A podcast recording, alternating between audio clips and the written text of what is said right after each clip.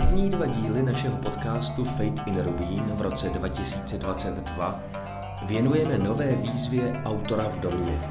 Termín přihlášení do Rubínovské autorské dílny se blíží a my vám postupně představíme oba její letošní tutory. Tím prvním je autor, herec, produkční a vůbec všestraná tvůrčí osobnost Karel Kratochvíl. 28. února 2022 je pro zájemce uzavírka čtvrtého ročníku autora v domě, Rubínovské autorské dílny. A jedním z tutorů autora v domě je Karel Kratochvíl. Karle, o tobě vlastně se dá eh, různě dočíst na všemožných eh, prostě nebo v tvém CV a na všech možných webech jako to, že si dělal snad v divadle snad všechno. Jo. Je, je, něco, co si nedělal, nebo co ti chybí jako do tvý sbírky tvůrčích činností? No tak to se řekl jako strašně štědře, že je tam strašně moc věcí, které vůbec neumím, a jestli vůbec něco umím, tak to nevím. Ale no, Těžká otázka.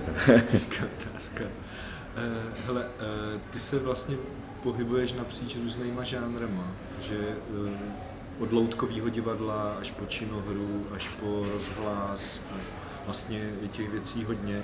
Je, je nějaký místo, ať už je to žánr nebo tvůrčí činnost, kde si připadáš jako nejlíp? Jo, asi asi když je to jako moje, tak tam, tam se připadám jako nejsvobodnější a je mi jasný, že to prostě pak není tržně třeba udržitelný, nebo že to jako není žádný, eh, žádný to, no. Tak eh, vlastně když, když mám možnost jako si ty věci dělat po svým, tak tam vlastně mám pocit, že když si to zvořu, tak si za to můžu sám a nikomu jinému to zase nemůžu zkazit. Mm-hmm. To znamená, že i ty věci, které třeba, eh, pod kterých jsi podepsaný jako autor, si sám eh, třeba herecky interpretuješ, dá se tak říct? Nebo... Mm, no, tak já jsem to myslel třeba tak, že máme nějakou platformu, která se říká Krutý krtek a tam jsou nějaký takový jako, to vzniklo z nějakého mého přetlaku něco dělat, tak eh, tam jsem asi cítil, že to má největší jako nějaký společenský dopad nebo smysl, že nebo jsem nejvíc s tím stotožněný. No. Já samozřejmě hmm. nepochybuji o tom, že má smysl dělat i prostě jiný žánr nebo hmm. něco, ale tady si připadám, že to že tam v tom jsem naplno. No. A můžeš to představit trošku víc? Co to je? To mě vlastně zaujalo. Co no, to je no, ten krutý eh, Správně si tady to interview zahájil tím datem, takže teďka krutý krtek je spící krutý krtek, protože společně s covidem jsem usoudil, že to jako není věc, kterou bych byl z toho ještě s dalšími jako věcmi eh, provozovat, takže teďka je to vlastně v režimu stand-by. Mm-hmm. Ale je to taková nějaká moje snaha najít um, diváky, který nechodí normálně do divadel, mm-hmm nějakýma principama třeba herníma a nebo prostě vytvářet takový nízkoprahový divadelní zážitky pro lidi, kteří třeba, protože jsem si vědom toho, že jsme strašně malá skupina lidí, kteří jako chodí do divadla, chodí tam častěji než jednou za měsíc, a, tak eh, mám pocit, že ten eh, kontakt s tím divákem, který vlastně tam někde je, je jako hrozně důležitý a, a že to je ten divák, který vlastně ani o tom neví, že je divák, tak to mě baví. No. A pak je tam ještě dramaturgická linka třeba nějakých pohádek, uh, loutkových, a tam jsem zase to zaměřil jako na nějakou, uh, co já považuji za podstatný, tak že v té naší české společnosti jsou nějaké menšiny, ať už jsou teda jako národnostní, etnický nebo nějakýkoliv jiný. No a že když abych parafrázoval pana Vostrého, takže nějaký scéna, scéničnost, tak prostě když postavíš nějaký téma do centra pozornosti, hmm. tak najednou vlastně ty lidi, kteří eh, k té menšině patří, tak se s tím můžou identifikovat, můžou na to být hrdí, nebo to vypovídá něco o jejich kultuře. To znamená, že ty si vytipuješ nějakou skupinu lidí, mm. třeba dejme tomu Eh, z nějakých sociálně znevýhodněných oblastí a tam přijedeš no. a předvádíš jim vlastně nějaký divadlo, dá se říct? No, nebo... tak takhle jsme měli třeba projekt Liberci, který jsme měli odsunutí mm. a s Adamem Kubištou a Dianou Čičmanou jsme to nastudovali a to byla taková divadelní procházka po stopách odsunutých Němců, mm. protože jsem cítil, že jako v tom Liberci to je, nebo jako ostatní všude v pohraní, eh, v Sudetech, takže to je téma, co vlastně se tak zametá pod koberec a když jsme si dělali rešerše k tomuhle, představení, tak eh, jsme obcházeli tam ty liberčáky a našli jsme spoustu zajímavých příběhů, že třeba ty rodiny se nastěhovaly hmm. po, po nějakých Němcích a ještě tam na stole byla prostě polívka, protože oni museli odejít. A nebo byli prostě, no a najednou se to v těch rodinách jako neřešilo. No tak prostě jsme tady a máme tady takovýhle barák. Hmm. Tak to je, to je jakoby jedna část odpovědí, ale ty další máme třeba uh, romské pohádky nebo větnamské pohádky a měl jsem v plánu pokračovat ukrajinským a tak dále. Protože eh, vlastně ta česká školka už taky nevypadá tak jako před 20 lety. A, a, mm, a k nějakému kulturnímu dialogu, myslím, patří to vzdělávání v tom nejútlejším věku, protože z mých zkušenosti ty děti absolutně neřeší, eh, kdo vedle nich sedí, lavici, prostě buď je to kámoš, nebo není. A je ti jedno, že, jak vypadá, nebo co dělá. Jako myslím, eh, odkud je. Prostě buď se s ním dá mluvit, nebo ne. No a jakmile tenhle ten věk pomine, tak už je to pak jako hodně těžký. Eh, takže jsem usiloval o to promlouvat jako k té nejmladší, genera- nejmladší generaci skrz to říct tím, že vlastně eh, tady Maruška, která jako je první nebo druhá generace Větnamců, Čechách, tak vlastně i její národnost má nějakou kulturu, nějaké pohádky, tak pojďme se o tom taky něco poslechnout. Hmm. Takže je to ale nějaký divadlo nebo vlastně nějaký umělecký eh, výraz, který jede za, za svým potenciálním divákem. Neodehrává se to v divadle, no, Jo. Je to předem domluvený, třeba tady ta věc asi musí být, že? Jo, jasně, tak jako třeba v tom Novrci to fungovalo, že jsme měli vyhlášené reprízy, mm-hmm. ale třeba tam jsem měl takovou eh, ambici nebo ten, ten threshold, přes který jsem nechtěl jít, že to bylo zadarmo, protože jsem měl, mě bylo jasný, že jakmile by se za to zaplatilo, tak je to problém. A pak se nám podařilo tam nalákat nějaké školní skupiny a to bylo super, protože vlastně i ty učitelé měli radost z toho, že se jako toho tématu tak trošku jako můžou chytnout nebo zbavit, mm-hmm. že, že, že, se o tom vlastně jako dobře mluví, když si projdeš ty ulice, kterými normálně v tom Liberci chodíš a najednou se na to můžeš dívat jinak, protože zjistíš, že tady v tom domě vlastně prostě jako Češi postříleli Němce. Víš, jako, že tam, mm-hmm. že, že to, takže jo, ale pak samozřejmě třeba ty pohádky, tak to normálně se klasicky jezdí do škol, do školy a tak. Čili to je vlastně něco jako na pomezí, dá se říct, eh, divadla a nějaký pedagogiky, jestli se to dá takhle říct. Nebo no, tak já prostě jsem tak... Vzdělávání. Já myslím, že jsem taky konzervativní v tom, že si myslím, že to divadlo má takovouhle nějakou společenskou funkci. No. A je to asi um, jako velmi rychle a snadno to může sklouznout k nějaký plagátovitosti nebo něčemu takovému jako proklamativnímu, didaktickému.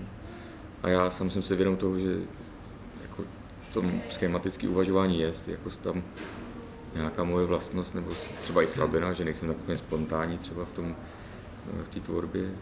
Ale zas na druhou stranu tomu věřím, no. Prostě eh, mám dojem, že a zároveň jsem jako hodně tolerantní, že, že chápu, že jsou nějaké větve toho divadelního umění, které se věnují nějakému experimentu nebo výzkumu, který třeba vlastně se zaobírá sám sebou, nebo ty lidi, co to dělají, tak vlastně pro ně není důležitý ten divák jako primárně, že prostě dělají, dělají něco, co třeba posouvá ty, ten žánr jako takový.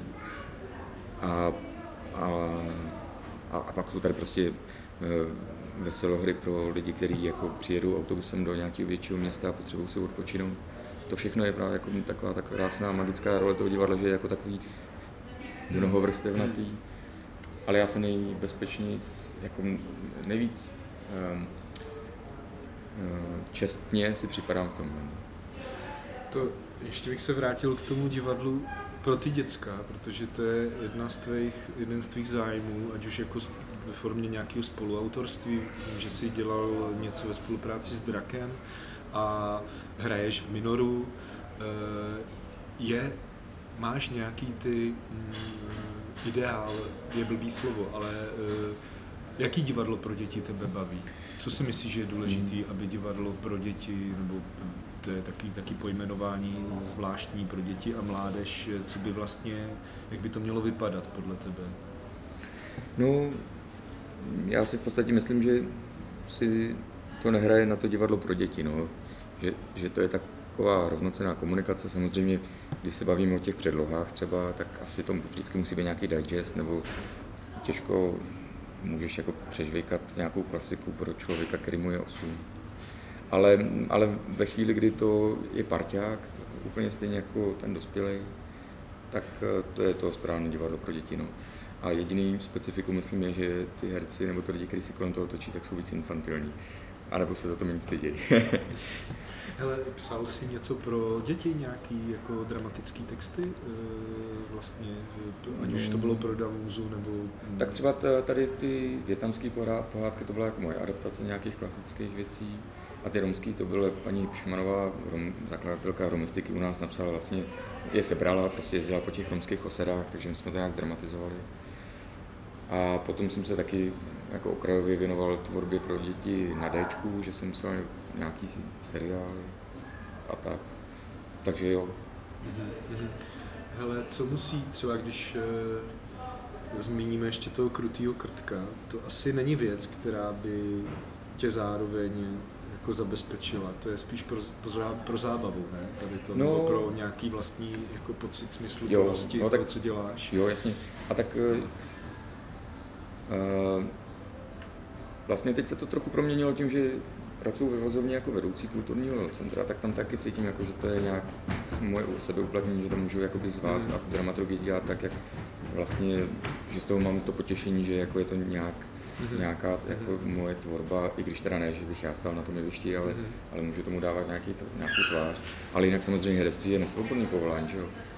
A já jsem v tomhle tom od začátku takový poměrně dost jako asi ne, nelojální, nekolegiální, že prostě když je mi v tom blbě nebo tomu nevěřím, tak to z toho odejdu nebo to nedělám. Mm-hmm. No. Mhm.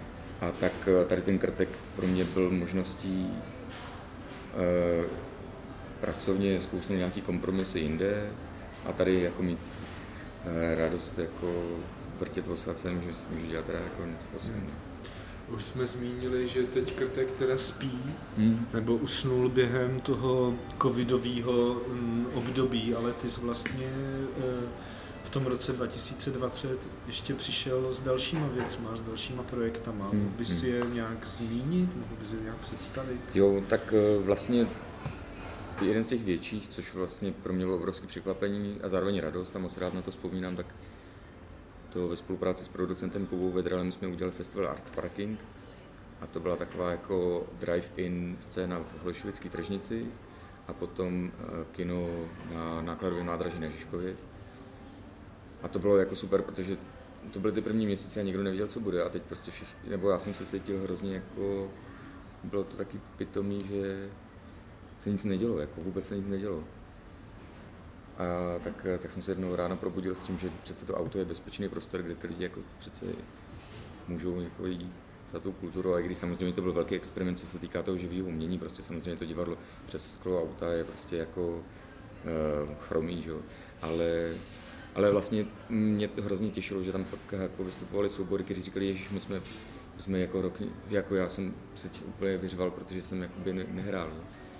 A tak to byla taková společenská, vlastně jakoby myslím cechová věc, že, že jsme si tak všichni mm, řekli, že to není jako zabitý a bylo to jako strašně fajn vidět třeba i ty, ty techniky nebo jako lidi, kteří najednou neměli co dělat, tak my jsme jim jako dali úplně obyčejnou práci, že tam jako najednou mohli postavit stage a to bylo teda jako super, no. tak tam jsem se cítil v tom moc příjemně. No a potom, potom po té svý ose v rámci toho krtka, tam jsem udělal uh, takovou, taky jako spíš takový happening. To bylo čtení poezie na Ostrovcích, MHD.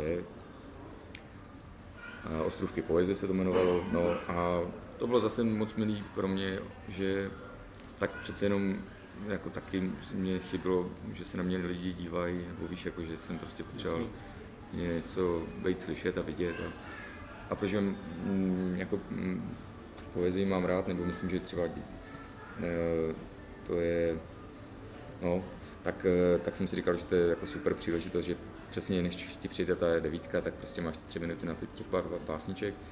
No a začalo to jen taková jako legrace a pak se ozývali lidi, kteří taky měli buď ten stejný pocit, jako že potřebovali mluvit nahlas před lidma, anebo pak se mi podařilo dostat jako i mezi literáty nebo spisovatele.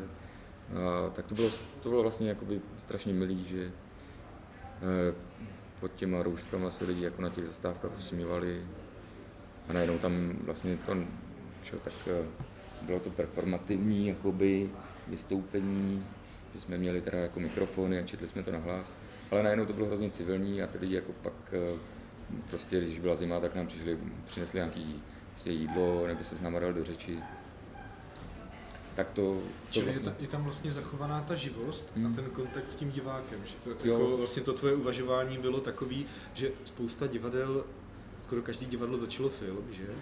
Tak, jak, jako, tak tohle mi přijde vlastně, že tam furt je nějaká snaha přemýšlet jo, o té živosti. No. no já si pamatuju, že jsem povinně měl takovou velkolepou mesiářskou ideu, že prostě oslovím všechny divadla v Praze a prostě, že ty zastávky většinou ty MHD jsou jako nějakých divadel nebo něco to jako a tak si pamatuju, že má, má štípku, jsem napsal do Švandáku, že mám tenhle ten nápad, se jako Švandák nechce připojit a ona říkala, že to je super, já to hnedka přednesu. Jako. No a tak pak jsem pochopil, že to, že tam má, je, já to vůbec teď není nic proti Švandáku, ale že ta moje jakoby naivní, nadšenecká uh, představa vlastně jinak než po těch individuálních eh, setkáních nešla dělat. No.